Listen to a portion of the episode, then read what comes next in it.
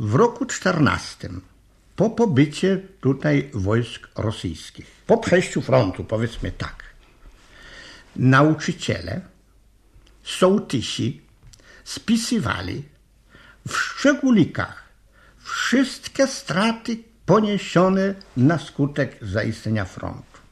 Wiem, że nawet takie były pozycje, że komuś zginął bat, kawał łańcucha, kawał powroza. To wszystko w detalach było naniesione. I już wówczas było powiedziane, że wszystko to będzie oczywiście zapłacone, że wszystko będzie odszkodowane. Napisali, przyrzekli i płacą. Powst- miasta były zniszczone. I ile dali, prawda? Jak to było odbudowane? Że było odbudowane tandetnie, prawda? W porównaniu z naszym budownictwem dzisiaj. Ale jednak i jeszcze jedna rzecz. Sprawa zasiłków i rent. I ta sprawa była podczas propagandy poruszona. Że wojna się skończyła, bardzo dużo ludzi, inwalidów wracało oczywiście.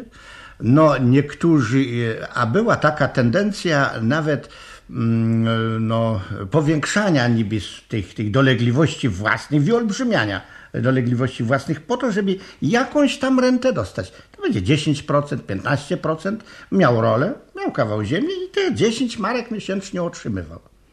Więc i to również zaczęto straszyć, że jeżeli będziesz głosował za Polską, prawda, albo jeżeli będziesz chciał będzie wypowiadać się za Polską, jak, jeżeli Polska tutaj będzie, to wiadomo, że tego nie otrzymasz, prawda.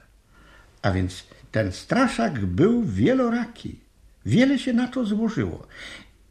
I ten pierwotny stan wyczekiwania, że jesteśmy do wzięcia, ale nie mamy w sobie tego dynamizmu, żeby, żeby ruszyć na zerwanie, dajmy na to, niewoli, prawda?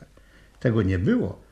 I teraz to wszystko, co się działo w następnych miesiącach po roku 18, to wszystko przemawiało na naszą niekorzyść. To wszystko złożyło się na to, na wynik plebiscytu.